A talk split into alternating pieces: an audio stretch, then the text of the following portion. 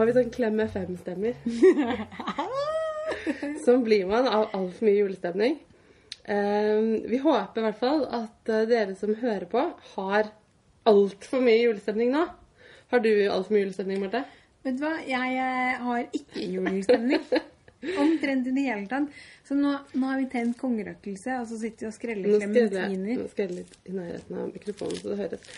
Altså, når vi spiller inn, er det jo faktisk fremdeles noen dager igjen til jul. Ja. Eh, Men vi har ikke tenkt å publisere dette før eh, kanskje romjula, håper vi. ja. Der skal skallet ned. Sånn er det. Ja. det. Du vet at det egentlig er om å gjøre å skrelle alt klementinskall i ett skrell? Det ser ikke ut som du tar den oppgaven så veldig alvorlig. Det er Alt det skal som, henge sammen i det som én det lang det egentlig handler om. Du må få av alt det, alt det hvite. Ja, det er min datter også veldig opptatt av. Det er jeg ikke så opptatt av. det. Men eh, hva, hva, hvis man ikke da har øh, øh, julestemningen, sånn som du mangler, da burde man egentlig altså For det første så burde man henge sammen med meg. Fordi jeg har nemlig alltid julestemning et eller annet sted inni meg. Vet du hva, det, Som jeg bare minner, kan hente frem. ja, det minner meg litt om en bok som jeg begynte å lese i sommer, eh, som heter Nosferatu. Ehm, som handler om en eh, mann som eh, man ikke helt vet om er eh, levende eller ikke. Som har, lever i sånn evig juleland. Og så tar han med seg, dreper han foreldrene, og så tar han med seg de små barna inn i julelandet, og så dreper han dem der òg. Wow, herlig. Det hørtes ut som skikkelig koselig julestemning. Det var helt Der har du meg! Mm, Nei. Plutselig nå så følte jeg meg litt mindre komfortabel med å sitte i en sånn veldig trang liten podinnspillingshytte med deg. Eh, men ja. Personlig så syns jeg at det som gir mer julestemning da, enn liksom eh, drap og sånn, er um, kongerøkelse, klementin, uh, nøtter og um, peppermintbak, Ja. som er verdens beste julegodteri. For hvis du ikke vet hva det er, så må du google det. Jeg prøvde å lage det til Marte i julegave, og så klarte jeg å spise det opp litt før du kom. Ja, men det er fint. Vi har laget masse selv. Mm. Og har spist masse sjøl. Mm. Hva skal du i jula? Vi får besøk fra Italia, og skal feire på, sammen med mine foreldre og farmor. Så det blir en veldig voksen og verdig jul, Ja. tenker jeg. Det blir jeg som sitter der og sier dumme ting ved bordet, tenker jeg. Vi skal til mine foreldre med svigermor og daddy fra Canada som kommer. Eh, Så, og søsteren min og da mamma og pappa. Og, ja, så det blir fullt hus og eh, høy stemning, regner jeg med. Høres bra ut. Det blir bra. Um, og jeg gleder meg å, masse masse, masse til jul. Jeg gleder meg til jul hele året. Og når jula er over, så begynner jeg å glede meg til neste jul. For jeg elsker jul. Vet du, jeg elsker jul, altså. Nå følte jeg meg litt sånn som Grinchen Ja. som eh, snakker om drap og dystre ting. Men jeg elsker jul. Jeg syns det er helt fantastisk. Um, men har bare, det har bare vært litt for sånn eh, tåkete og mørkt og mye jobb og um, mas så langt. At jeg har ikke rukket å komme inn i denne. Ja, det har vært litt sånn uh, hardkjør nå på slutten av året. Jeg føler det ofte er det. Det er sånn, det er eksamenstid. Uh, jeg jobber jo i akademia, og da merker man eksamenstida uh, veldig godt. For man jobber med det, holdt jeg på å si. Men jeg tenkte bare sånn slutten av året. Jeg føler at det er mange ting som har tatt slutt nå. Ja. Nettopp. Ja. Eh, skam. Vi trenger ikke snakke for mye om det, men det er et hull i livet. Eh, det er eh, en veldig stor ting som er avsluttet for meg. Um, nå tenker du kanskje på at jeg har slutta å jobbe i jobben min, men nei, jeg tenker på Marius-genseren. The end of an era. Jeg har gjort ferdig den Marius-genseren som har fått sin egen hashtag, som er The Neverending Marius. Eh, Den er ferdig. Den ligger blokka hjemme. Alle tror er festa. Ferdig. Mottakeren kommer i morgen. Det, det jeg vet ikke hva jeg skal si, Marte. Nei, vi kan klippe, kan klippe inn litt sånn applaus her. Det Hadde vært fint. Litt sånn ja. Eh, Det er jo da sånn at jeg strikka en Marius-genser til Ryan, som er faren til ungene mine, i fjor. Og den ble for liten. Så den tok jeg sjæl. Det var jo bonusen, da, at jeg fikk ny Marius-genser. Og så eh, strikka jeg en til, men da jeg hadde strikka den helt eh, opp i mønsteret på bolen, så oppdaga jeg jo at det, det hadde gått litt fort. Hadde vært litt mye bilstrikk inn i bildet. Jeg hadde ikke sett at det var en helt nøste i en annen innfarging helt nederst på magen. Så det var bare å rekke opp hele greia, gitt. Og strikke en gang til. Ja. Så det var jo sånn passe kjedelig, altså. Men nå Og så har den strikka den da ferdig, og egentlig så er det ikke så innmari mye jobb å strikke en margensgenser. Men så skal du klippe hull og sy i ermer og ordne og greie. Og det er ikke dette det tar så lang tid heller, men det tar veldig lang tid å, å få gjort å gjøre det, liksom. Det tar veldig mange måneder hvor genseren ligger i en pose bak sofaen Ja. og furter. Ja. Og ikke er noe hyggelig å tenke på. Og man har sagt sånn Man får ikke begynne på noe nytt før man har gjort det. Og så gjør man det ikke, og så begynner man kanskje litt på noe nytt allikevel. Eller bare en sånn liten ting som man bare måtte gjøre. Og så skjer det ikke. Og jeg har ikke bare hatt én, men to sånne gensere som har ligget bak sofaen. For jeg fikk jo en sånn gave Nei, en sånn garnpakke fra Rauma med garn til um, Redd Barna-genseren i uh, oktober, var det vel. For jeg strikka på den når vi var på Bergen strikkefestival. Og den strikka jeg jo ferdig der. Så det har bare vært liksom å strikke den eh, halskanten som jeg skulle strikke etterpå, og, og liksom feste tråder. Men det har jeg heller ikke gjort. Men vet du, det syns jeg faktisk ikke er så ille. For hvis du begynte i oktober, og nå er det desember, så har du brukt to måneder cirka, da. Jo da, men jeg strikka genseren på en uke, liksom. Ja. Men det, det er ikke helt normalt, det, da. Kanskje. Jeg tror det er flere der ute kanskje som vil si at de At det var en normal strikketid på en, på en svær genser. Ja. Vi har en i strikkelunsjen på jobben. Siden vi begynte med strikkelunsjen, så har hun strikket på det samme prosjektet. ja. Og det er en sånn eh, tofarga kofte i masse mønster. Riktignok i veldig, veldig tynn alpakka. Mm. Men for en utholdenhet. Altså, det er det eneste strikkeprosjektet hun har holdt på med i et års tid. Wow. Ja, respekt, altså. Ja. Jeg er ikke helt der. Men, men, men nå er det en æra over. Mm. og jeg har strikka da to store herreullgensere i 2016. ja.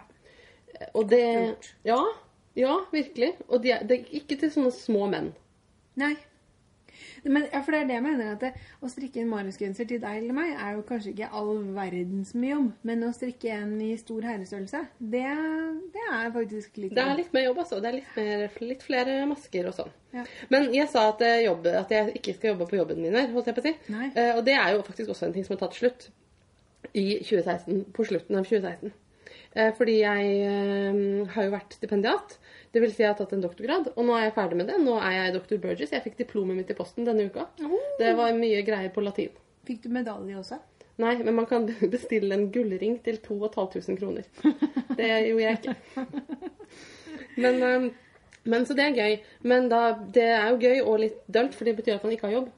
Og så gikk det opp for meg plutselig at det, jeg har vært tilknyttet Blindern på en eller annen måte i 13 år.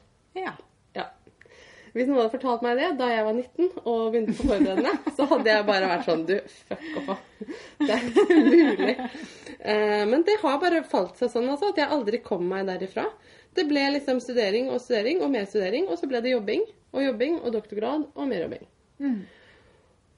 Og det, men nå føles det egentlig litt som at Blindern bare slo opp, ass. Fordi Altså, vi har på en måte da vært fuckfriends da, i 13 år. Og hele tiden har jeg liksom håpa at det skulle være noe mer. Ja. At Blindern skulle liksom skjønne at det er oss to. ja. Men nei, nå var Blindern bare sånn Du, det funker ikke for meg lenger, og fireårsregelen, og du får ikke jobba mer. Så da var det ute i kulda, gitt. Så jeg hadde en liten sånn sørgeperiode. Men altså, voksenpoeng til oss her nå, fordi eh, eh, Når jeg tenker på deg og ting som tar slutt, da tenker jeg jo kanskje faktisk først og fremst på kjærester som det er slutt med. Fordi da- vi ble kjent sånn eh, i begynnelsen her På Blindern? På Blindern! Så var det jo veldig mye det det gikk i. Det var jo Det var da det ble slutt. Det var det det ble slutt med da, ja. Ja. ja. Men så er vi i sånne seriøse forhold. Ja. og har eh, etablert oss, men driver og gjør det slutt med jobben vår isteden. Ja. Jo da. Men jeg har kommet, jeg kommet videre nå. Jeg, prøver, jeg har kommet over Blindern, rett og slett. Jeg er litt hun, jeg er litt hun dørleksen, for jeg driver og drar tilbake hele tiden. Og er sånn der, jeg tror jeg har glemt en penn. Jeg bare sitter der og jobber i dag. Eh, og jeg har ikke henta alle tingene mine ennå. Jeg har fortsatt noen bokser stående på kontoret, liksom. Så bare stikker jeg innom det innimellom og er sånn Hei, nei, jeg skal ikke bli lenger. Så er jeg bare «Nei, da, men jeg har, jeg har vært på eh, min første Tinder-date, da. Kan man si. Det vil si jeg har begynt å jobbe på Høgskolen i Oslo. Hvor mange var det du swipa nei på? Høgskolen i, i Sørøst-Norge. Ja. Swipa jeg nei på det for langt unna. Jeg gadd ikke å pendle helt til Vestfold, liksom. Nei, så det, jeg skal jobbe litt på Høgskolen i Oslo. Nå har jeg faktisk, jeg er litt på dealeren med litt flere arbeidsplasser. litt overlapp. Så det, eh, det er spennende tider, da, for å si sånn. Ja, ja, Ja, ja. nei, så Det er slutten på et år, slutten på en eh, arbeidsperiode, slutten på en Marius-genserperiode, begynnelsen på noe nytt. Um, er, det, har det, er det noe annet som er slutt for deg, holdt jeg på å si, Marte? Altså, Jeg har ikke noen sånne dramatiske slutter som det du har. Jeg har ikke tenkt å gjøre det slutt. Jeg har egentlig motsatt. Tenkt, jeg har tenkt å gjøre det slutt med han eh, til stua her. Det motsatte av gjør det slutt? Ja. Ja, nå skal vi gifte oss. Og det Mhm. Ja, ja. Det, vi fikk invitasjonene fra trykkeriet i dag, så det, nå er det liksom Må Ja. ikke snu nå. Nei, nå er nå er vi, nå er det for seint å snu. Og så um, har vi eh, Ja, nei, jeg, byt, har, jeg driver ikke egentlig med å bytte arbeidsplass heller. Um, så Altså, jeg har hatt et sånt prosjekt da som um, eh, ikke har vart så veldig, veldig lenge, men som Jeg eh, strikka det i biter, eh, sydde sammen og monterte, og var dritmisfornøyd. Ja. Og dytta det inn i skapet og tenkte at nei, der gidder jeg ikke ha noe mer med å gjøre. Og så kjøpte jeg et skjørt tidligere i uka, og bare plutselig så virka den genseren ut altså som en veldig god idé. Tok den på meg bare. Hva er det som er gærent med denne her? Ingenting. Vet du hva, det er helt livsfarlig å kvitte seg med klær. Fordi hvis man tenker sånn, denne kommer jeg aldri til å gå igjen. Gå igjen. Og så kvitter man seg med den. Og uka etter så er man bare sånn der Det er det eneste plagget som hadde funka til den buksa. Ja, faktisk. Eller så er det sånn, dette kommer aldri noen gang til å bli moderne igjen. Og så plutselig er det sånn Å, men nå skal buksene slutte midt på leggen. Ja. Ok, da. ja. Nei, så den genseren, den eh, Jeg tok den fram, fiksa de tingene som måtte fikses. Av en eller annen grunn så hadde jeg da et sånn lite hull under den ene armen som jeg ikke hadde sydd igjen. Av de milene med søm jeg faktisk hadde sydd, så hadde jeg da latt være å sy igjen det lille hullet. Ja, litt luftig. Så nå er den bare Yes. Favorittgenseren. Men så du fikk rett og slett ny genser? Ja, Det jo en fantastisk følelse at du slapp å strikke den. Du bare fikk en ny genser. ja, jeg gjorde det. Ja, det er litt som da jeg kjøpte en strikkejakke som, eh, som noen andre hadde var Ja. altså sånn der, mange, mange timer med strikking som jeg slapp å gjøre. det. Så det jeg sitter nå og pønsker på, det er hvordan jeg kan lage Slapp flere. å gjøre. Det høres ut som jeg syns strikking er helt grusomt. Jo, men denne her da, den er jo da sånn eh, full mønster overalt, sånn hullmønster overalt. Ja, den er Eh, kjempefin. Jeg så den på Insta. Ja. Lysegrønn Elinor Jumper heter den fra Australia Women's Weekly. Et mønster som da kom ut lørdag 9. mars 1940. Uh, Ja, ja, ja. jeg husker at du strikka den. Det er jo innmari lenge siden. Ja, er, den har jo ligget i skapet i noen måneder. Um, det var en høydare, det må jeg si. Men du, 2016 Ja. sånn ellers, den går jo mot slutten nå. Når denne podden lyttes på, så er det romjul. Det er bare noen dager til nyttårsaften. Mhm. Hva skal vi si om 2016, da? Skal vi si farvel, eller good riddance?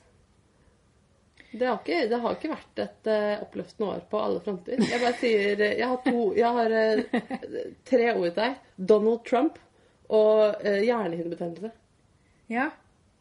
Hjernehinnebetennelse var ille for deg. Donald Ja. Trump er som en hjernehinnebetennelse for USA. ja, eller verden. Verdens hjernehinnebetennelse.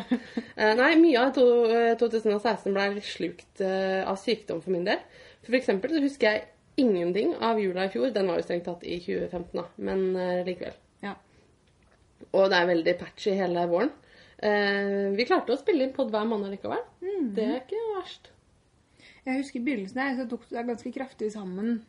Eh, ja, om at hun sove fire timer etterpå og sånn. Ja. Men eh, nå er jeg frisk. Nå er jeg frisk. Ja, det er Skikkelig. veldig, veldig og det bra. som er eh, så gøy Eller det, det er jo ikke så gøy, da. Det, det har tatt liksom litt tid for meg å skjønne at jeg ikke var frisk da jeg trodde jeg var frisk først. Mm. Fordi at jeg var jo fortsatt bare dødskjedelig og teit. Og syntes ingenting var gøy. Men nå har jeg blitt sånn som jeg er igjen, og syns ting er morsomt. Og blir entusiastisk og gira og sånn. Og det er sånn jeg egentlig er. Og så kommer jeg på det litt, så er det sånn Jøss! Jeg er jo egentlig ganske kul. Jeg er ikke kjempedøll. Ja, det var fint å oppdage. Det er bra. Alltid gøy. Men jeg tenkte kanskje vi bare skulle eh, på strikkefronten, hvis vi fokuserer Ja, på det. Altså ja. Sånn politisk så syns jeg egentlig at 2016 er veldig vanskelig. Jeg vet ikke om jeg orker å snakke om det. Ikke i denne eh, podkasten. Jeg kan lage en egen podkast som er sånn her sutring over politisk eh, håpløshet. Men, eh, men på strikkefronten har ikke 2016 vært så dum. Jeg, For meg i hvert fall. Nei. Eh, For meg så har 2016 vært sånn jevnt oppadgående stigning. Ja. Det begynte bra, og så har det bare blitt bedre og bedre. Eh, Og det er selvfølgelig podden, da. ja, det har gått så innmari bra med Marte og Marte. Ja. Og det er litt gøy fordi at det, på en måte så var det Altså det var jo selvfølgelig kjempegøy da vi begynte på det, at det liksom økte på. Vi fikk flere og flere eh, abonnenter og lyttere eh, i ganske eh, stor fart i begynnelsen. Um, og så tenkte jeg liksom at Men det flater jo ut på et eller annet tidspunkt. ja. Og det har jo flata litt ut, det må det jo nødvendigvis, men det har søren ikke flata så mye ut. Det fortsetter å øke. Og bare sånn som i høst, etter Bergens strikkefestival, hvor vi fikk 1000 nye abonnenter bare poff på en måned, det er skikkelig gøy. Og det er dødsmotiverende, og det gjør at vi får lyst til å bare podde masse mer og gjøre mye mer gøye ting. Og ja. Ja, enig. Og jeg må si at det, hvis vi liksom skal trekke fram noen høydepunkter her, så Det er vanskelig å velge bare ett. Men jeg tror kanskje for meg så var litt, øh, turen til Bergen var veldig, Ja. veldig stas. Bergens strikkefestival. Ja. Det var gøy. Og vi er så glad i Trikotasjemuseet. Nå har vi vært der to ganger, og det er så hyggelige folk og fin stemning. Og det var så mye inspirerende mennesker der. Bergen, baby. Bergen, baby! Um, og jeg skjønner at du velger eh, Bergen strikkefestival, ikke Oslo strikkefestival. fordi på Oslo strikkefestival så var du så sjuk at uh, skulle nesten liksom båret deg i bæremeis. Jeg var ikke helt til stede. Men jeg hadde det veldig gøy, da. Men det var litt sånn at i fjor da, på Oslo Strikkfestival så sa vi til oss sjøl etterpå, eh, eller til hverandre, at eh, Og neste år skal vi også være med, selvfølgelig, og gjøre masse gøy. Men vi skal si ja til kanskje halvparten så mye som vi gjorde da i 2015. Ja. For da var vi litt slitne etterpå, for det var så mye vi hadde sagt ja til å gjøre. Så da 2016 kom, da, og de begynte å spørre oss om vi kunne gjøre ting, så bare sa vi ja til sånn ca. dobbelt så mye. Det var lurt. Så jeg følte jeg løp rundt som en sånn halshogd høne hele helga. Bare å, workshop, uh, spollinnspilling, uh, bokbad. OK, ja, jeg skal det også. Ja, Så det var, men det var gøy. Jeg, jeg beklager til alle som eh, hørte meg si rare ting. Eller, jeg sa ikke så mye rare ting. Jeg følte at jeg var, jeg var mer til forvirringen til nytte under workshopen, kanskje. Men eh, ellers så hadde jeg det ganske ålreit. Altså, Ja, men det er fint. Det var, det er veldig fint. Du, bare, du var litt sliten, bare. Ja. Um, men det var, det var gøy å møte pod-kolleger fra, fra ytlandet også. ja. Både fra, eh, fra England, f.eks. Jeg snakka litt med de pom, Pomcast-jentene. ja. Og så møtte vi jo Rett Avit. Og spilte inn episode med dem, som dere har fått allerede i høst. Men jeg møtte ikke Pomkast. Nei, det gjorde du ikke. Nei. Nei. Da var jeg aleine. Ok. Jeg skremte jo Jeg har ikke fortalt det. Oh, ja, det jeg skremte jo vettet av, eh, eh, av eh, Sau Fiskat i en trapp. Hun ble eh, litt svimmel, så hun måtte sette seg ned. Fordi jeg bare 'Hallo!' og begynte å snakke. Eh, men jeg tror det gikk bra med henne. Eh, fordi hun så Jeg snakka med henne litt etterpå, og da, da gikk det bedre. um, så ja. Det, men det var, det var morsomt. Vi gleder oss til neste år. Neste år skal vi si ja til uh, kanskje halvparten så mye. Vet du, det jeg drømmer om da, kanskje for 2017, det er at vi kan Vi har fått mange hyggelige forespørsler eh, i år som har gått, og det er ikke alltid vi har hatt mulighet til å være med på. Nei. Og jeg håper at neste år så kan vi si ja til litt mer. Ja, det håper jeg òg. Litt gøy. mindre hjernehinderbetennelse og litt større barn i mitt liv hjelper uh, på Litt at jeg kan si ja til ting. Ja. Litt mindre byråkrati. Og litt mindre jobb. Jeg jobber jo ikke 100 nå. Nei. Oh, la, la, la. Mer tid til å strikke. Ja, ja, I teorien. Bortsett er- fra at det å gå ned i arbeidsprosent stort sett betyr at du jobber like mye, men får litt mindre betalt. ja. Nå tenkte jeg på den derre Fuji-sangen. Oh, la, la, la. Da, da, da, da. Jeg husker ikke teksten. Ja, ikke sant? Oh, la, la, la, la, la, la, la, la, la, la, la. Fint. Og vi har lyst til å høre på Fugees. Skal jeg gjøre på vei hjem etterpå. Men du, eh, nå har vi snakka litt om Oslo Strikkefestival, og da vil jeg bare si at eh, vi initierte jo en eh, liten konkurranse. Da vi det derfra. Rett og slett en tipskonkurranse, hvor vi vil at dere lyttere skal tipse oss om hva dere vil vi skal snakke mer om. Ja. Det er ganske mange av dere der ute nå. Og vi har ikke tenkt å konkludere den tipskonkurransen riktig ennå. Rett og slett fordi at nå er det sånn eh, julestemning her. ja. Så eh, vi holder på de eh, Vi har nemlig en del premier som vi vil dele ut. Og vi, så vi gjør det. Men vi Ganske kårer fine også, Ja, ikke sånn. bare ganske. Jeg vil egentlig ha dem sjøl. Ja. Men liksom på nyåret tenker jeg at vi kårer noen vinnere på Facebook og Instagram. Så vi kan jo legge ut en post på Facebook òg, kanskje, og minne dere på den konkurransen når vi legger ut denne episoden her. ja. Men så fortsett å tipse oss det er noe dere tenker liksom, at det hadde vært kult å høre mer om. Um, mm. Vi har fått inn noe. Vi har fått inn litt. Vi har det. Ja, og vi leser alt, og vi samler alt sammen. Um, og eh, så velger vi noen som vi premierer. Og så de vi ikke premierer, kanskje vi, vi snakker om noen av dem allikevel. Ja. Vi ser hva vi gjør. Vi har snakka litt om hvordan 2016 har vært. Nå tenkte jeg vi skulle se fremover. Ja. 2017. Eh, jeg liker ikke eh, ordet nyttårsløfter. Det har vi snakka om før. Ja. Så jeg tenkte mer sånn forventninger og mål. Jeg har et. Ja.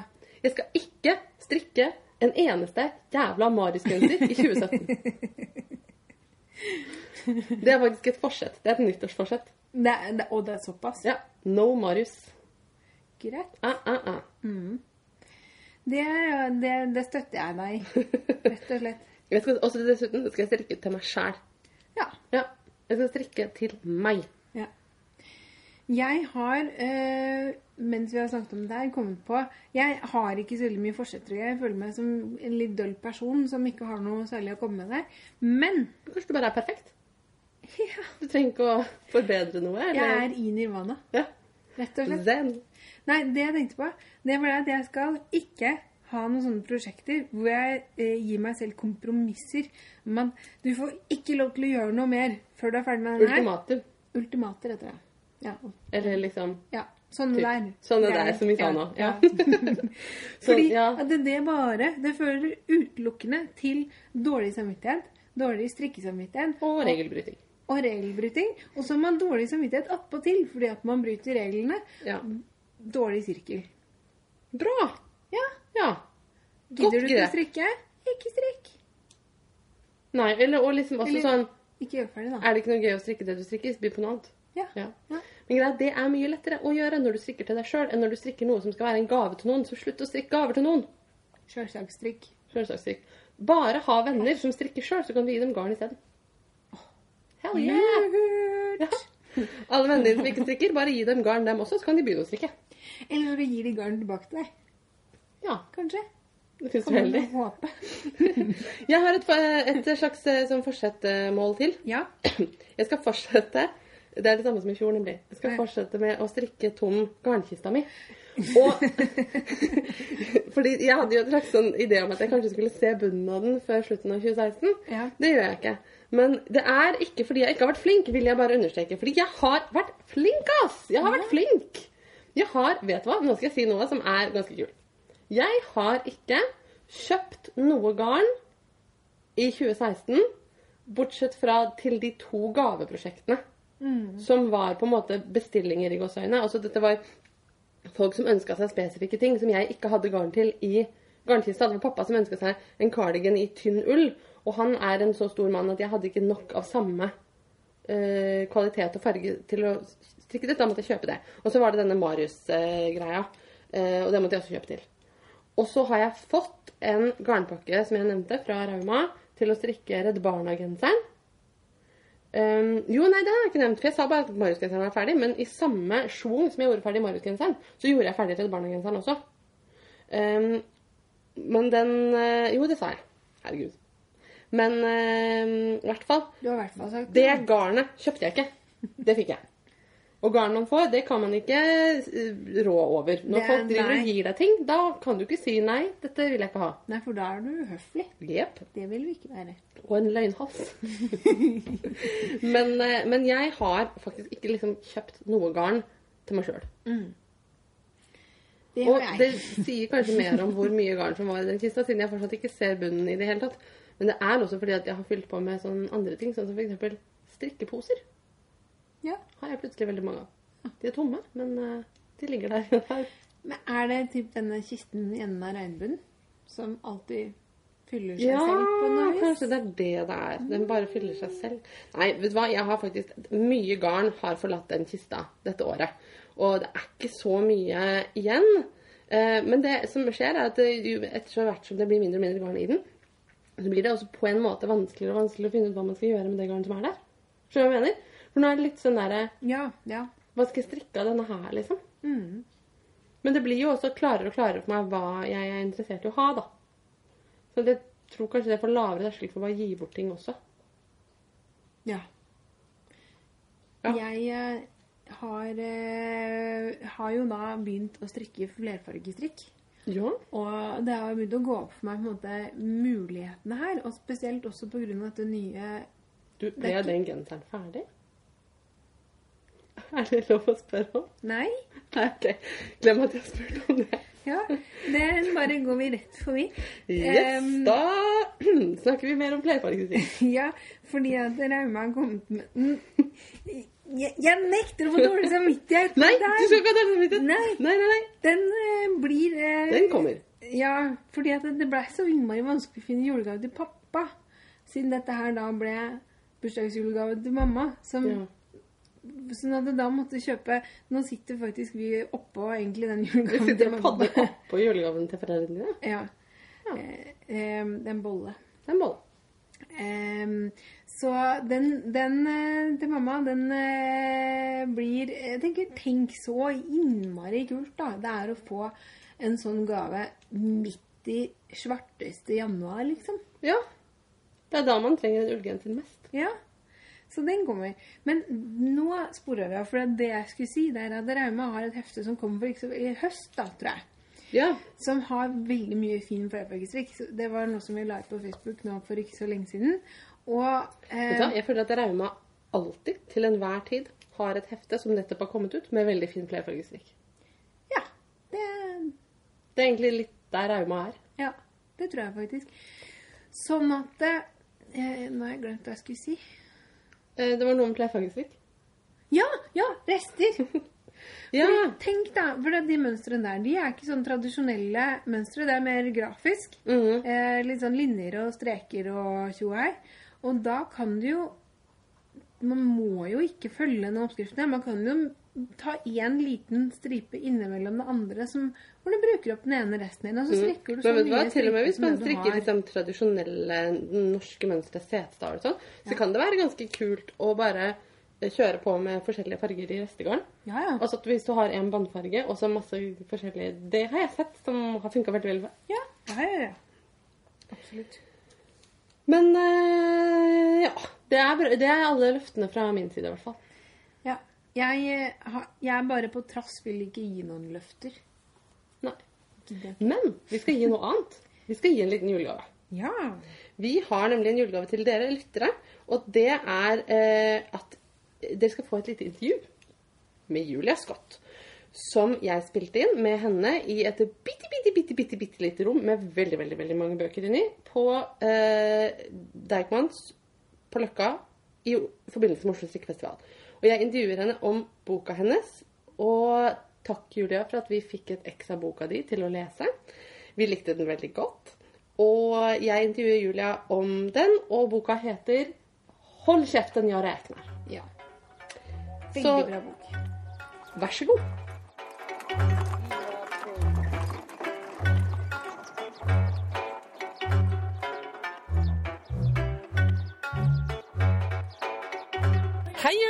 Hei, Marte! Hei. Jeg sitter eh, I Norge så har vi Vi hadde før i tida et eh, program, et bokprogram i NRK Nationaltheaterkanalen som het Bokbadet. Og det var en sånn eh, Altså at man intervjuer sånn intenst en forfatter om eh, boka han eller hun har skrevet.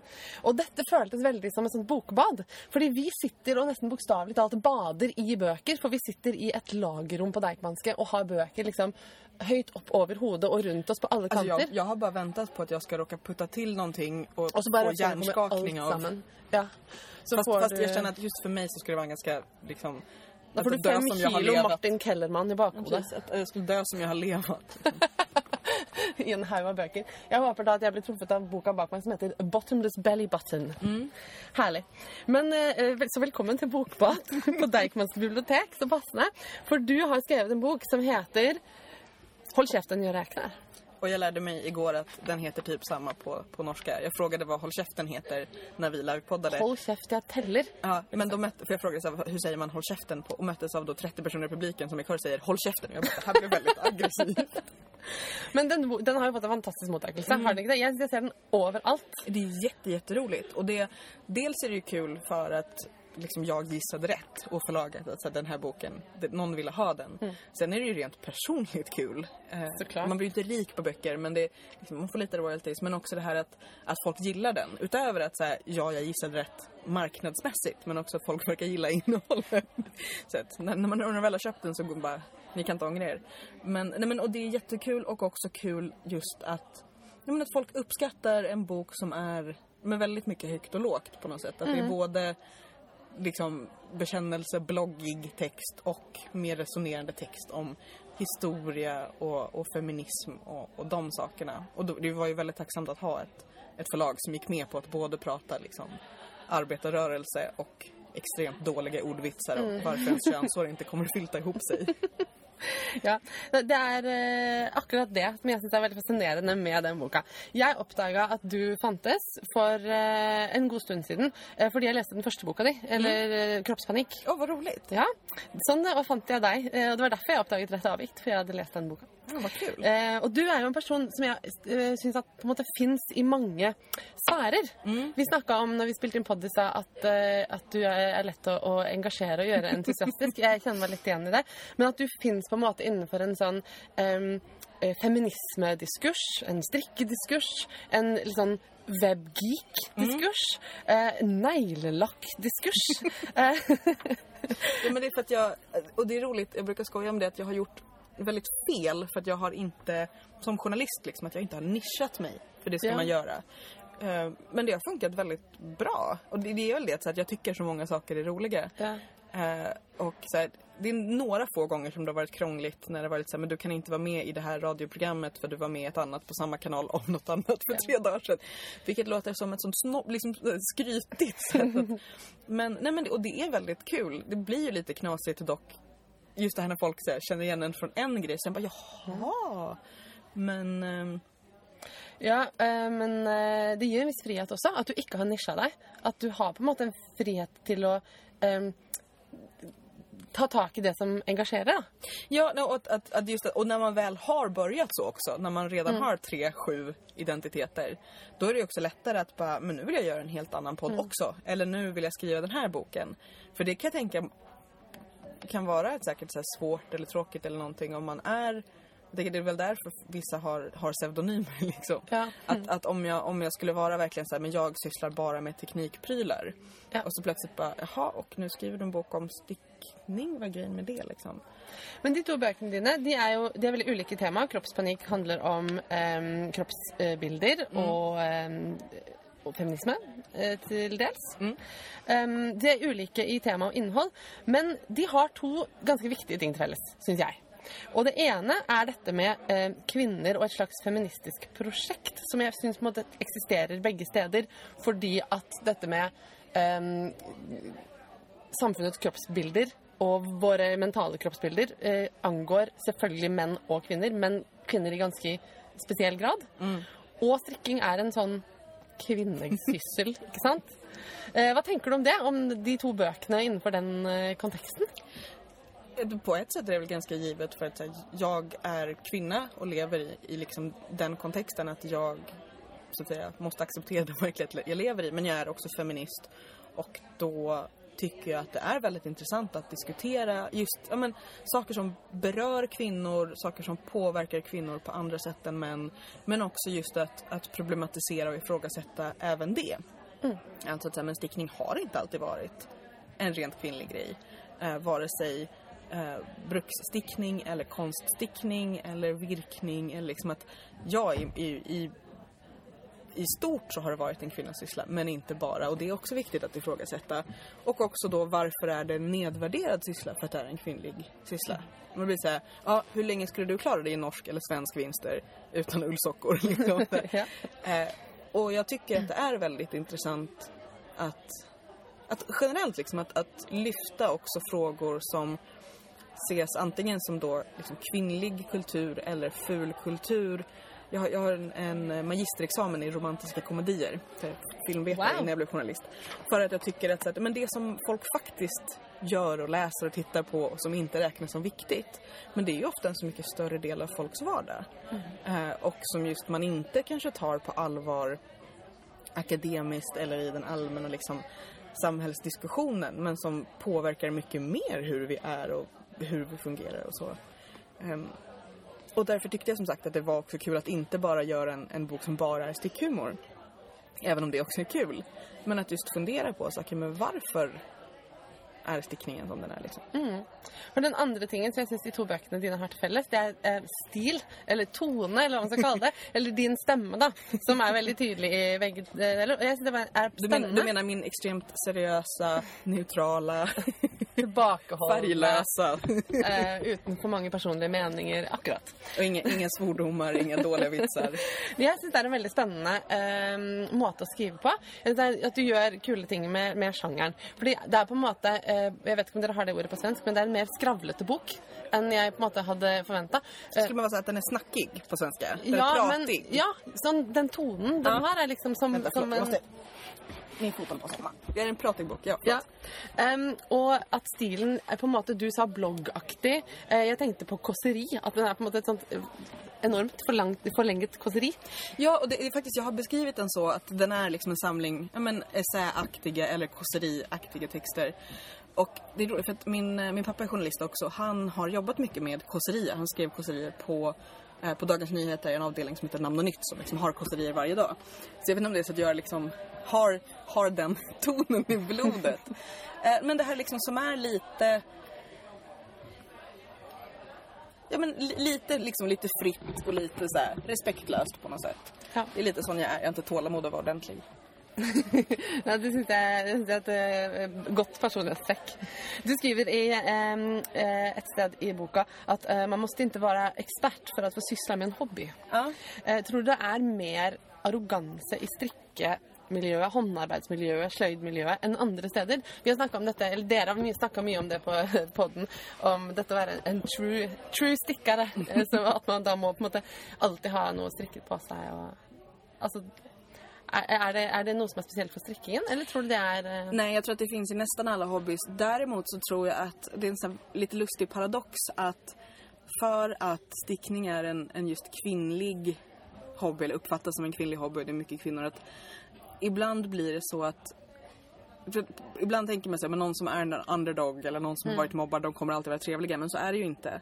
Och då kan jag tänka mig att i, i en grupp som har varit så att säga nedtryckt på olika sätt så kanske det istället finns tvärtom. Det finns en starkare tendens att vara elitistisk för att man är såhär, men det här är vårt.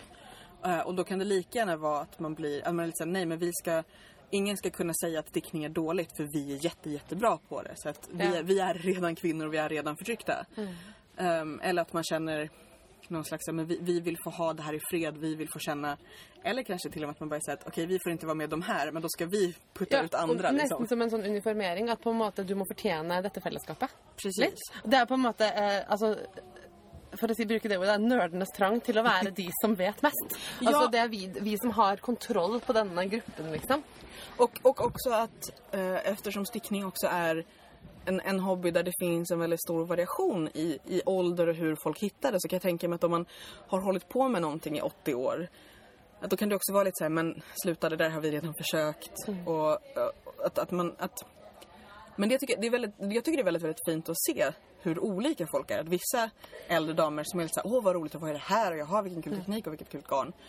Eh, medan andra är lite såhär, jaha, nej men kom inte här och tro att du, att du vet något. Eh, eller, eller det här att just att man ska ha tagit sig igenom alla tråkiga tröjor och alla traditionella mönster och så. Men, eh, men, men jag, jag, jag tycker mig se att det blir bättre och bättre ur min synvinkel. Alltså att folk är väldigt öppna och, och liksom tillåtande. Men sen finns det ju fortfarande puckon som har idéer. Men det kommer det alltid, alltid göra tror jag. Inom alla Det gjør det. specialintressen. Ja. Jeg synes En av de tingene som jeg eh, lo eh, mye av når jeg leste boka, var eh, dette med strikkingens syv dødssynder. Ta det inn i, i strikkekonteksten. Um, er din, hvilken dødssynd lider du mest av? Jag tror att jeg jag turas om. De är så här, eh, nej men det är... Alltså jag, jag tänker att, att högmod är väl kanske den som oftast hamnar överst och sen får hjälp av alla de andra. Ja. Ehm, Jeg tenkte på at eh, Fråtseri, startitis, er jo en form for fråtseri. Men å fråtse i sin egen um, uh, i sin egen hobby. Altså den der 'jeg kan, jeg kan skape'. men, men også frosseri i bemerkelsen så köpa garn för att det finns och det är fint. Men där är ju också det här eh, intressant att man kan ju faktiskt också tänka på det som liksom samlande av fina saker. Ja. Och som, som det här resonemanget som jag snodde från annan att man får också liksom, du får lycka när du planerar, så får du lycka när du köper garnet för att det är fint och så får du lycka när du börjar och så får du lycka när du slutar. Og så får du like vägen du har det på etterpå. Mm. Men jag tänker ju också så här, jag är ju ganska gravt ateistisk så för mig är ju också så här, dödssynd som koncept ju bara så här, Ja, ja, Så liksom bete dig så att du, så liksom, att du inte gör illa andra och så att du inte gör illa dig själv. Så att, säga, ja men du kanske frossar i garn men kan du betala räkningarna, äta mat och göra de saker du vill göra och liksom får plats med kläder i garderoben också. Så är det ju Ja, typ lugnt. det henger jo på en måte sammen med det der som vi snakket om om arroganse i miljøet, på en måte. At det, det blir det dødssynder som i eh, Altså, dødssynder for, for en eller annen gud blir det jo ikke. Men det, jeg tenker at det finnes også noen sånne Kanskje noen dødssynder innen i strikkemiljøet. Ting man ikke att man dømmer hverandre. Ja. Og det är det, för det att Og det er jo det man egentlig driver med når man snakker om dødssynder innenfor religion også. Det er jo egentlig mennesker som dømmer andre mennesker. Altså, Precis, fast det er hvert fall for oss som mener at det ikke er noen gud inne i bildet der. Men der er det interessant at om man tenker på dødssynderne utover stickning så er det jo vissa av dem som påvirker andre. Og vissa av dem som virkelig, virkelig ikke gjør det. Eller ikke behøver gjøre det. För att frosseri blir ju ett problem dels om du äter så mycket så du mår dåligt och dels om det inte räcker till andra. Men om det är så här, det finns jättemycket potatis. Du får äta tre potatisplättar till. Ja. Det är okej. Eller hvis det finnes veldig väldigt mye garn. Du får sticka Precis, och det är så här, ja okej det är lite fånigt jag kommer kanske inte hinna sticka och jag har redan sju stycken i den här färgen. Men den är så fin och den här liksom färgaren blir glad om jag köper den. Eh, nej men precis att, att så här, ja det är lite fånigt men så här, det skadar ingen och de, du blir glad. Ja, altså Du mener at ingen lider av at jeg har tre eh, umonterte gensere liggende under sofaen min? Det, Men så lenge du ikke mår dårlig av det. Det er det også Ja. at, att ibland får man jo også gjøre noen slags dygdighetsgreie. At dygdighetsgrej. litt sånn 'jeg vil ikke', vill inte. Men det blir bedre efteråt. Det er så, is- ibland liksom, vissa deler av stikkningen er som går gå till At Att man vil ikke innan og det er jobbigt under tiden men man er ganske nøyd etterpå. efteråt. Eh, jeg vil eh, bare Vi skal avslutte snart, for vi er å gå på Pickles og handle garn. Fordi eh, det er veldig viktig å fråtse. eh, her er jo også faktisk at vi er dyktige, jeg og Amanda, eftersom det er tull og dyr frakt til, til Sverige fra Ja. Norge. Ettersom dere ni er med i EU. Jeg var faktisk også tvungen å fundere på veien hit for at eh, Caroline tog ett annat tåg än vi och, och var lite såhär, nu kollar de eh, ID på tåget och de kommer in och bara politi, le- legitimation. Jag vet inte hur man säger på norska. ja, sånn. Ja, eh, och så var jag har jag passet med mig? Och så såhär, nej men det, fast de är inte, eller är de med i Schengen? Är de med i Vi er med i Schengen. Precis, men den där sekunden jag var lite såhär, hur funkar det här egentligen? Ja, nei, den trenger ikke pass. Eh, hvis du er en hund, så må du uh, eh, ta Bendelorm-kur. Det er det eneste. Jag är inte Nei, det er fint for deg. um, boka du har skrevet, den har noen fantastiske illustrasjoner. Ja, Har du lyst til å si to ord om eh, illustrasjonene? Eh, nej, men det var jätteroligt för eh, Galago, förlaget som boken har kommit ut på, gör ju väldigt, rolig det är roligt att vi sitter här i serierummet. Därför att de gör ju huvudsakligen serier och serieromaner. Vilket också var väldigt roligt när vi då började prata om boken och jag sa eh, ljudbok och de sa oj det vet vi inte hur man gör. Men det ska förhoppningsvis komma en ljudbok relativt snart för just för stickare vill okay. man ju ha det. Men det innebar ju också att eh, de, de jobbar med väldigt många duktiga tecknare och illustrationer. Så den här boken är då Lisa Evald, Marie Tillman och Charlotta Björk som har gjort eh, de här jätteroliga illustrationerna. Eh, och de är jättefina några av dem finns också. Man kan köpa som kassar och affischer och sådär. Eh, däremot det var så fruktansvärt roligt när jag var tvungen att bråka lite för att på några av illustrationerna så höll de stickorna fel. Och jag var lite såhär, och, jag, och först så var jag bara lite såhär, kan vi Så ändra du den här? er en true sticker? Och det, det verkligen var så här, kan vi, kan vi fixa det här? Och det var någon som sa såhär, men den är ju liksom, den är ju ritad för hand i ett original. Är, liksom, kan vi, och jag bara, nej men förlåt, jag skriver ju till och med i boken om liksom hur man som stickare blir irriterad när det är fel representerat. Man bara, men kan inte det vara ironiskt? Man bara, nej snälla kan Och så kände man mig som världens liksom grinigaste författare. Men det kändes som att här, nej, i en bok som handlar om stickning och också lite om hur sura stickare så kan vara så, Ja, så går som det har inte. ditt navn som avsender av boken. Ja men precis, ja, alltså, det, det, nej det går, Det går inte. Men de är jätte, jättefina verkligen. Ja, och, och, det kult roliga. och det, liksom... det, det gör ju em, boka ganske spesielt utseende. Mm. Nå skal jeg komme med en sånn der, som en sånn boknerdspørsmål helt til slutt. Fordi jeg er veldig fascinert av bruken av fanter i parenteser i boka. Eh, fordi at eh, når du eh, setter parentes, så har du en annen font Ja, inni. Hvorfor det? det er for at eh, dels, jag använder väldigt, väldigt mycket parenteser. Mm. Eh, men där är det så att vi höll på att prata fram och bruker mye tillbaka. tankestrekk. Ja, men det gör jag också. Det går inte att läsa mina texter innan jag redigerat dem. Eh, nej men det är ehm, den, vad, heter det?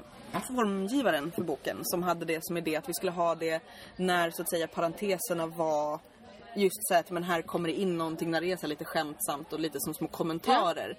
För att vi jobbade lite med också, det finns ju på sina ställen så här små faktarutor eller eh, och sen så blev det så knäppt om man skulle ha så att säga vanliga parenteser skulle vara samma typsnitt men vissa parenteser. Så att alla parenteser är bara ett annat typsnitt.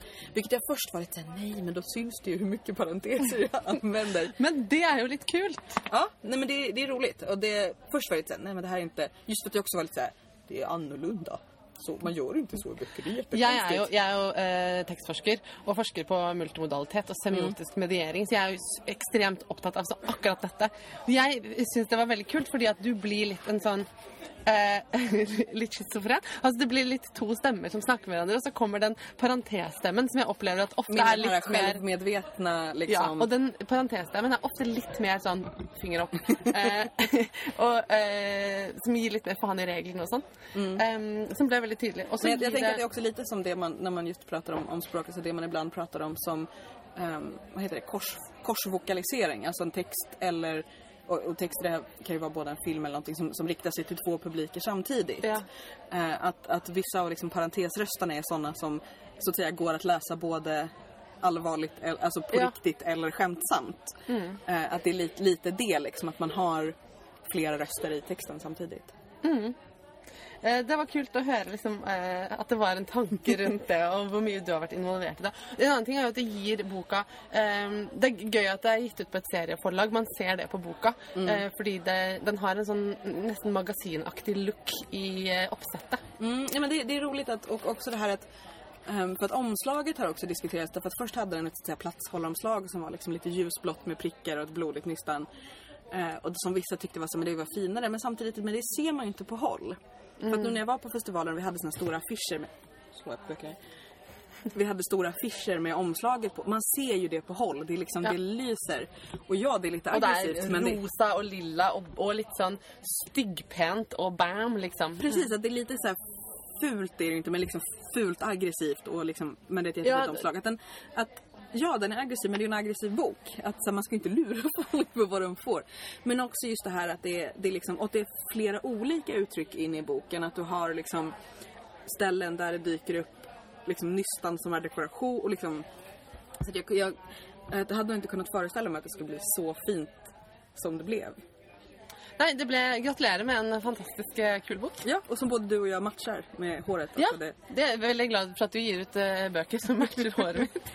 Nei, men det, og det, det er kul også just det her att att, för jag tänkte ju lite som jag tror att vi har tänkt kanske med podden, att vi har en ganska så här, men relativt ung målgrupp, alltså i alla fall under 40 liksom. Men det är jättemånga äldre kvinnor, alltså upp till 70-80 som kommer fram och dels här, lyssnar på podden och dels tycker jättemycket om boken. Och det är så himla kul, att, för att vi pratar lite så här, men någon kanske så att säga så här, skrämmer bort den lite äldre publiken, men det, det är inte så. Då är det bara tråkiga människor som gillar det. Jeg tror eh, kvinner i alle aldre tåler litt eh, aggressive strikkebøker. Vi har ikke sett for mange av dem. Vi hadde jo, en, eh, som det jeg vet at dere fikk med dere, en, en bokdebatt i Norge Ja. i fjor eh, hvor, det, som, hvor det var ja, om eh, strikkebøker, da. Og om liksom, hva slags kvinneideal som kommer fram i de strikkebøkene. Og det her at det er så okreativt å anvende strikkebøker, og det er bla bla bla bla. Man bare takk, takk, takk, penisen for at du har nitsplainat böcker. Det roliga var att jag läste den här texten och bara, är det för att jag, inte- är det för att jag inte är så jättebra på norska som jag tycker att han är dum i huvudet? Eller? Nei, det, vi syns det, vi, vi, de fleste av oss her òg. Eh, nei, men, eh, men det som på en måte man kan være enig i da på begge sider av debatten som var i Norge, var jo at på en måte eh, strikkebøker er en litt sånn eh, Sjangeren er litt konform. At den, de de forholder seg veldig til en måte å gjøre det på. Så jeg syns det var gøy at noen kommer og trøyer litt i de grensene og drar litt i det. Liksom. det var jo litt det som jeg kjente, at det, det är så apropå det her at jeg er lett å entusiasmera og så at, att när jag tycker att det saknas en bok så skriver jag den tydligen. Det är så jag har gjort med de här två böckerna. Och här var att jag kände att okay, det finns böcker som är, är liksom samlingar med mönster och det är jättefint och de ska finnas. Och så finns det böcker som är nej men historieböcker som handlar och liksom som är så här tjocka böcker med mycket akademisk text och mycket liksom resonerande. Eh, och så och, och de är också, men det finns liksom ingen som bara så här resonerar lite generellt. Och det finns lite sådana böcker på engelska, det finns Clara Parks och The Yarn Harlot. Fast även de är ju lite mer bara så här, ännu bloggigare skulle jag säga. Vilket också så här, det är inte dåligt. Men, Och det kändes som, vad fan, varför finns det inte en sån bok? Ja men då skriver jag den. Och så lyckades jag lura förlaget att gå med på det. Bra jobbat! Nå skal vi komme oss av gårde til eh, neste garneventyr Ja, på jeg. Fikkels. Takk for at jeg fikk eh, snakke med deg om boka. Så da, vi kan Tack för ta, att jag fick prata om boken. Og så alle sammen, kjøp eh, Julias bok og les den og gi den til alle vennene deres. Fordi vi trenger mer eh, strikking og feminisme og sinne og Ja, glede. Ja, det, några har frågat och det är ju så att eh, Adlibris skickar ju till Norge. Ja. Den går att köpa på nätet. Eh, om man vill ha den signerad så går jag ju att hitta på typ Instagram och sånt så kan vi lösa någonting. Eh, och så kanske det kommer eh, en bok med sura feministiska mönster kanske eventuellt. Gøy. Ha det Marte! Ja, da sier jeg hei da, Julia! ha det Marte!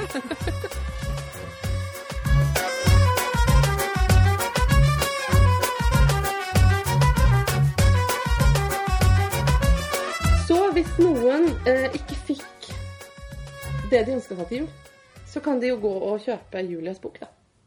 Ja, Man kan vel ikke gå og kjøpe den i Norge ennå, men man kan bestille den på Adlibris for eksempel.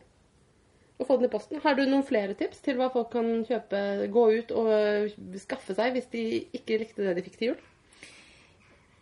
Ja, det har jeg. Eh, jeg eh, fikk eh, tips om en bok som heter Selbuvotter av Anne Bårdsgaard. Den kom ut nå for ikke særlig lenge siden. Og jeg så den i butikken, altså nå i høst, da, 2016. Og jeg så den butikken tenkte ja, ja, den var grei, men jeg strikker jo ikke votter, og jeg strikker i hvert fall ikke flerfargestrikk. Eh, så det, dette er ikke for meg, men jeg skjønner at det er for mange andre. Og så var det da en kollega som hadde den med i en strikkelunsj her om dagen. Og bare, altså, Marte For alle som altså, Selv om du ikke har lyst til å strikke votter, så er det en bibel. Fordi at hun har tatt alle de der tenkelige og utenkelige mønstrene som man kan ha på en vott, og laget et bibliotek. Mm. Så du har liksom de der eh, kryss og kringle og alle mulige hjerter og stjerner og alle tenkelige variasjoner. Det er helt fantastisk! Det er veldig gøy med sånne bøker. Og man kan, trenger ikke alltid å bare ha strikkebøker som man faktisk skal strikke noe fra. Man kan også ha sånne som bare er eye candy. Og så er det en, den, De har strikket 140 forskjellige par eller noe sånt nå, som illustrasjoner til boka. De aller fleste er strikket i hvitt og svart. Det er bare så vanvittig mange nydelige bilder at man blir helt sånn målløs av å se på og bla gjennom. Og ja, den er fantastisk. Gitt ut på Museumsforlaget. Fantastisk bok. Hvis eh, man vil ha, ha fått bokgaver man vil bytte, kan man altså bytte den i den. Man kan også, synes jeg, hvis man ikke har Hvis, hvis det fortsatt er noen som ikke har fått med seg liksom ren ull-boka Den er skrevet av eh, Ingunn Grimstad Klepp og Tone Skårdal Tobiasson. Og det er, det er liksom Bibel for meg. Jeg syns den er så fantastisk. Og det er også en sånn bok som du bare Du leser den for kos. Ikke fordi, altså Den er jo ikke en oppskriftsbok. Det er bare sånn Sitte og Bare kose-lesebok.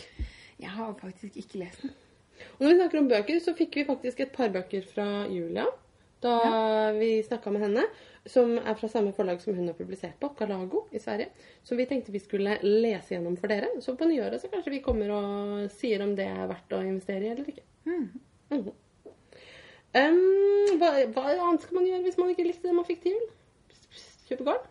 Ja, Masse garn. vet du hva jeg har gjort?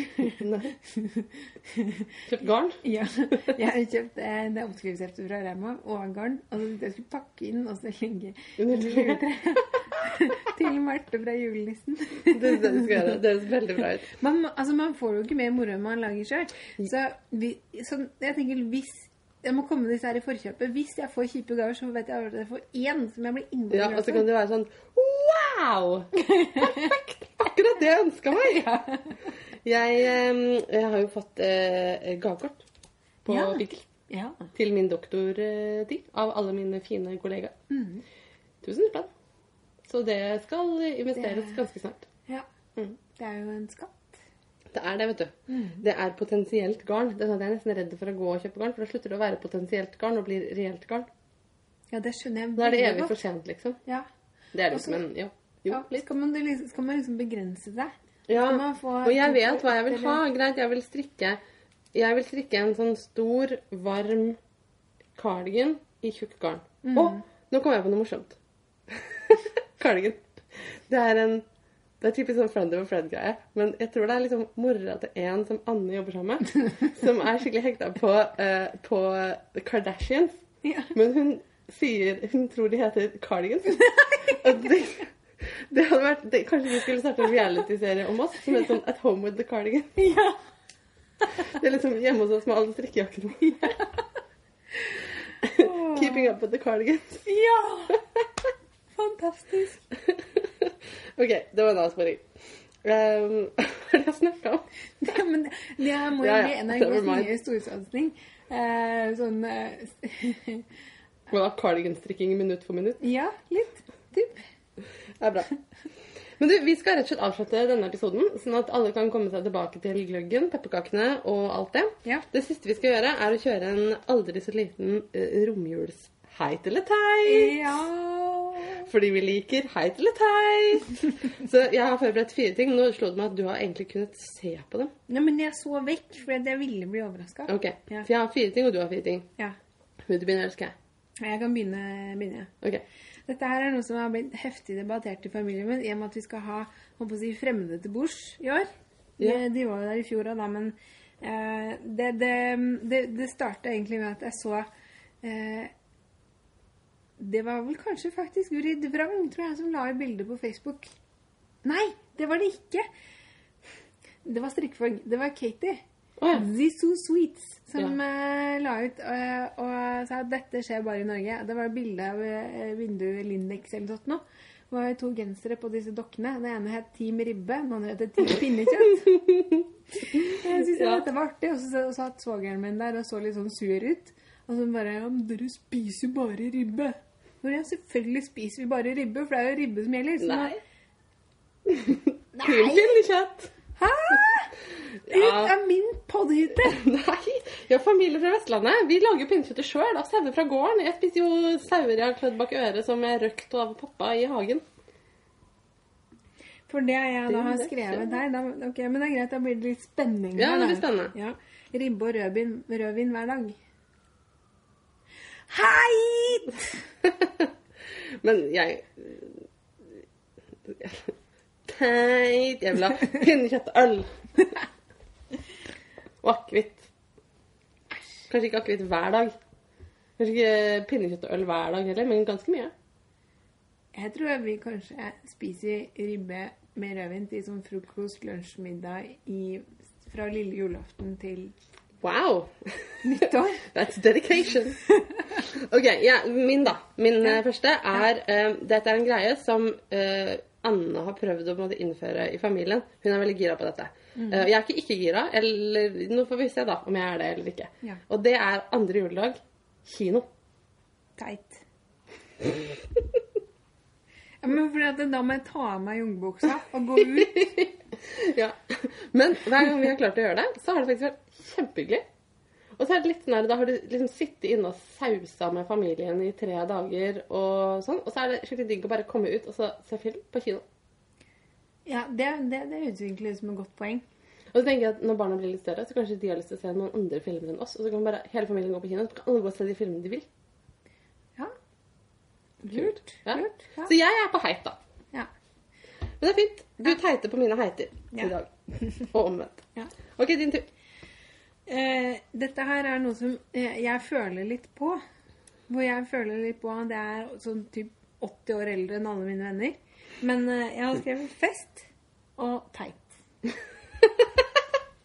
Men det kommer jo helt an på festen. Nei! Fest er Vi vil ikke gå på fest i romjula. Ok, Siden jeg er sånn som jeg har akkurat kommet meg på en måte ut av både meningitten og babybobla og alt som er kjipt, og har blitt sånn en energisk og kul person igjen, så må jeg bare si at jeg syns fest er heit. Ja. Ja. Ja, ja. Men du syns jo bare, bare det er teit akkurat i romjula? Eller generelt Ingen i livet? kommentar. Men Marte, Nei da, du og jeg har vært masse heite på fest sammen. Ja, det har vi. Eh, definitivt. Og det, det vi, var, vi var veldig aktive. Det er, Ja, det er vi har hatt gode festkonsepter før det. Ja. Det er, ja. Eh, Pene alene. Pene alene. Ja. Nei, vet du, altså Pene alene er et vorspiel-konsept som går trinnløst over i nachspiel. Og det er champagne involvert. Ja. Ferdig snakka. eh, Altså Nei, jeg er ikke imot fest i det hele tatt. Fest er gøy. Men jeg men, skjønner, jeg skjønner argumentet med joggebuksa og jula. Altså, jeg gjør det. ja. fordi, fordi det er noe med den derre Nå skal du på fest. Nå skal du ha det koselig. Nå skal, skal du ha det gøy. deg hva jeg, Da hva jeg, jeg så syns er teit? Eh, nyttårsaftenfest. Det er teit. Ja. Fordi da har man alltid skyhøye forventninger. Å, det skal bli så fett. Det er liksom årets fest. Og så blir det, altså, Har du noen gang vært på nyttårsaftenfest som ikke har vært en psyko-nedtur? ja. Ja. Nyttårsfest. Heit. Jeg, nyttårsaften, da vil jeg ha sånn venner på besøk, spise middag, eh, spille spill, eh, drikke bobler, Spille spill. se på raketter. Ja. Ja. Marte vil Jeg- danse på bordet i joggebukse. Nei, nei, nei, da kan du begynne med. Ok. Ja. Det er fint. Vi har eh, ulike meninger i dag. Min neste er Filippine. Teit. Eh, Er det når du skal finne en nøtt Filippine er når det er to nøtter inni nøtta, og da skal man ha sånn greie at den første som sier Filippine får et eller annet, eller gjør et eller annet. Teit i nøtta. Teit nøtta. Prøv, prøv å spille Filippine med Anne, liksom. Bare gjør det. Du er dømt til å tape fra første sekund fordi at Anne er så Hun må vinne alt. Og da gjør hun det. Vet du hva, Da må vi sette Anne sammen med min søster, for min søster vinner også alt. Ja. De, det være vært en interessant igjen på. Østlandet. Nei, det blir bra. Det er vi nødt til å gjøre. Herregud. OK, din tur. Ja, da kommer jo en naturlig etterfølgelse av alt jeg har sagt så langt, da. Men pysj hele dagen. Heit! Heit. Jeg er med på det. Jeg er med på det. Gikk forbi Kubus, og så Ja, eh, på Kubus nå så hang det sånne helpysjer. Sånn, sånn babypysj til voksne. Med fint sånn eh, på og sånn. Oi. Jeg bare Å, du skal hjem med meg! OK, min neste. ja. Dra i butikker og bytte julegaver i romjula. Teit! Hvorfor vil noen seg selv så vondt? Men det er fakta sånn at det er alltid liksom, kjempetrøkk på kjøpesentrene i, jule, altså, i romjula. Martha, Og dette vet ikke jeg fordi jeg har vært der sjøl, men det vet jeg fordi at folk har sagt det, og jeg syns det er helt stupid. Har du, jobba du på Banuro i romjula? da der? Øh, Det har vel kanskje hendt, ja. Det var ikke sunt, vet du. Verken for meg eller kunden. Der står det liksom en litt sånn bakfull person i kassa som bare egentlig vil hjem til pinnekjøttet. Mm. Og bare Kan Kan du bytte den isoporkula neste uke? Kan du ha med pinnekjøtt eller noe? Nei da. Det høres ut som jeg har Neida, vært, eh, mye på fylla i jula. Det har jeg ikke vært. Det er ikke det jeg driver med i jula i det hele tatt. Ja, men man blir litt sliten av å spise veldig mye kjøtt og ja, mye alkohol i dag. Ja. ja, det er ikke, ikke på fylla. Har du en siste? Ja. Men jeg hadde pysjelagen. Hva var din, da? Jeg har én igjen. Det er du som begynte. En, to, tre, fire. Ja vel. Um, leke med de nye gavene har jeg skrevet. Og det kommer fra én helt spesifikk hendelse i min barndom. Okay. Hvor eh, jeg fikk noe rosa. Og det var ponnispillet. My Little. Pony-spill. Oi, det Og det, var, altså det lukta sånn bademadrass. Da du åpna esken, og så var alt rosa. Og det var bare pling, pling, pling, rosa, rosa, rosa. Og jeg husker ingenting av det. Og det forsvant da på mystisk vis kort tid etter. Elsket det spillet. Altså, hele verden kunne gått stoppet og vært slutta for at jeg var lykkelig. Jeg Det høres flott ut. Men fikk du ikke lov å leke med det eller noe? Jeg vet ikke hvor det ble av. Nei, men altså siden eh, Var ikke punktet ditt eh, leke med de nye gavene? Ja, heit. Ja. Å ja, OK. Så greia er bare Du har fått gaver, lek med dem. Ja. Heit. heit. Alle er enige om at det er heit. Men det er derfor det er viktig å OK. uh, Robbie, han er litt sånn sjokkert over um, Er sånn- gavekulturen i min familie. Og gavekulturen i min familie er veldig sterkt preget av mamma og meg. Ja. Vi er ekstremt materialistiske når det gjelder gaver. Det skal være en ting som skal være pakket inn, og jeg skal ikke vite hva det er. Men det, det der høres ikke spesielt radikalt ut. Nei. Det høres standard ut for meg. Men, men, men Robbie er sånn som man kan si at ja, ok, da går vi ut og kjøper noe fint sammen, liksom. Oh, no, no, no, no, no. Oh. Og sånne par som er sånn herre Nei, vi gir hverandre ikke gaver til jul, vi kjøper en ny vaskemaskin isteden. Du, Bullshit! tegn en tegning hvis ikke du uh, har penger. Men liksom, noe skal det være. Ja. Ja. Det skal pakkes inn. Og jeg skal ikke vite hva det er. Nei, enig. Og det er sånn nå, han, Det har skjedd et par ganger også i vår historie. Det kan vi ta istedenfor leke med de gavene. Så kan vi si at ditt punkt var sånn derre kjøpe noe sammen istedenfor å gi gaver. Teit! Ja, med fem hår. Ja, det var mange hår etter min siste tre.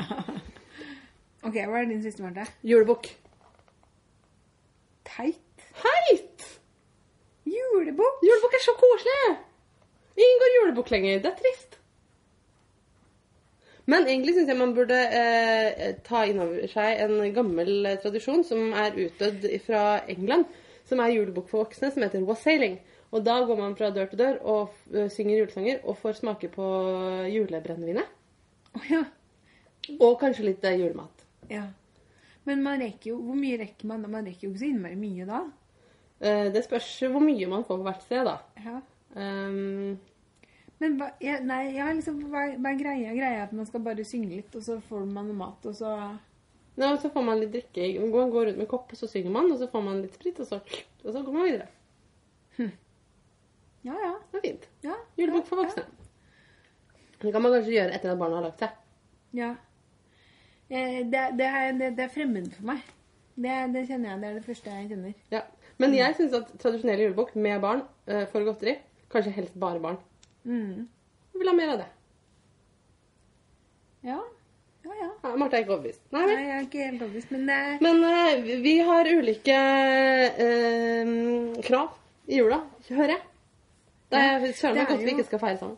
Ja, men altså det som er egentlig veldig ålreit, er at alle Det jeg trives best med, det er at alle møtes på samme sted, er sammen, og så Og gjør alle det de har lyst til å gjøre. Så hvis jeg får lov til å sitte og strikke og se på Askepott og, og leke med dokkene mine, så, og, mens, så kan du gå rundt og være julebukk og Og se på Askepott se og leke med lekene mine. Ja, så, så tror jeg vi, at vi alle kommer til å ha det fint. Og Gud velsigne oss hver og en. Amen. Eller noe. Men nei, denne podden er ved sin ende. Eh, det var mest eh, tant og fjas i dag, kjente jeg. Jeg tror vi er klare for en skikkelig juleferie. Oh yes! Og så er det på'n igjen fra januar Ja. med nye nøster. Og eh, kanskje i hvert fall etter hvert, når det blir tomt i denne kista. Men eh, eh, flere egoprosjekter og færre Marius-gensere.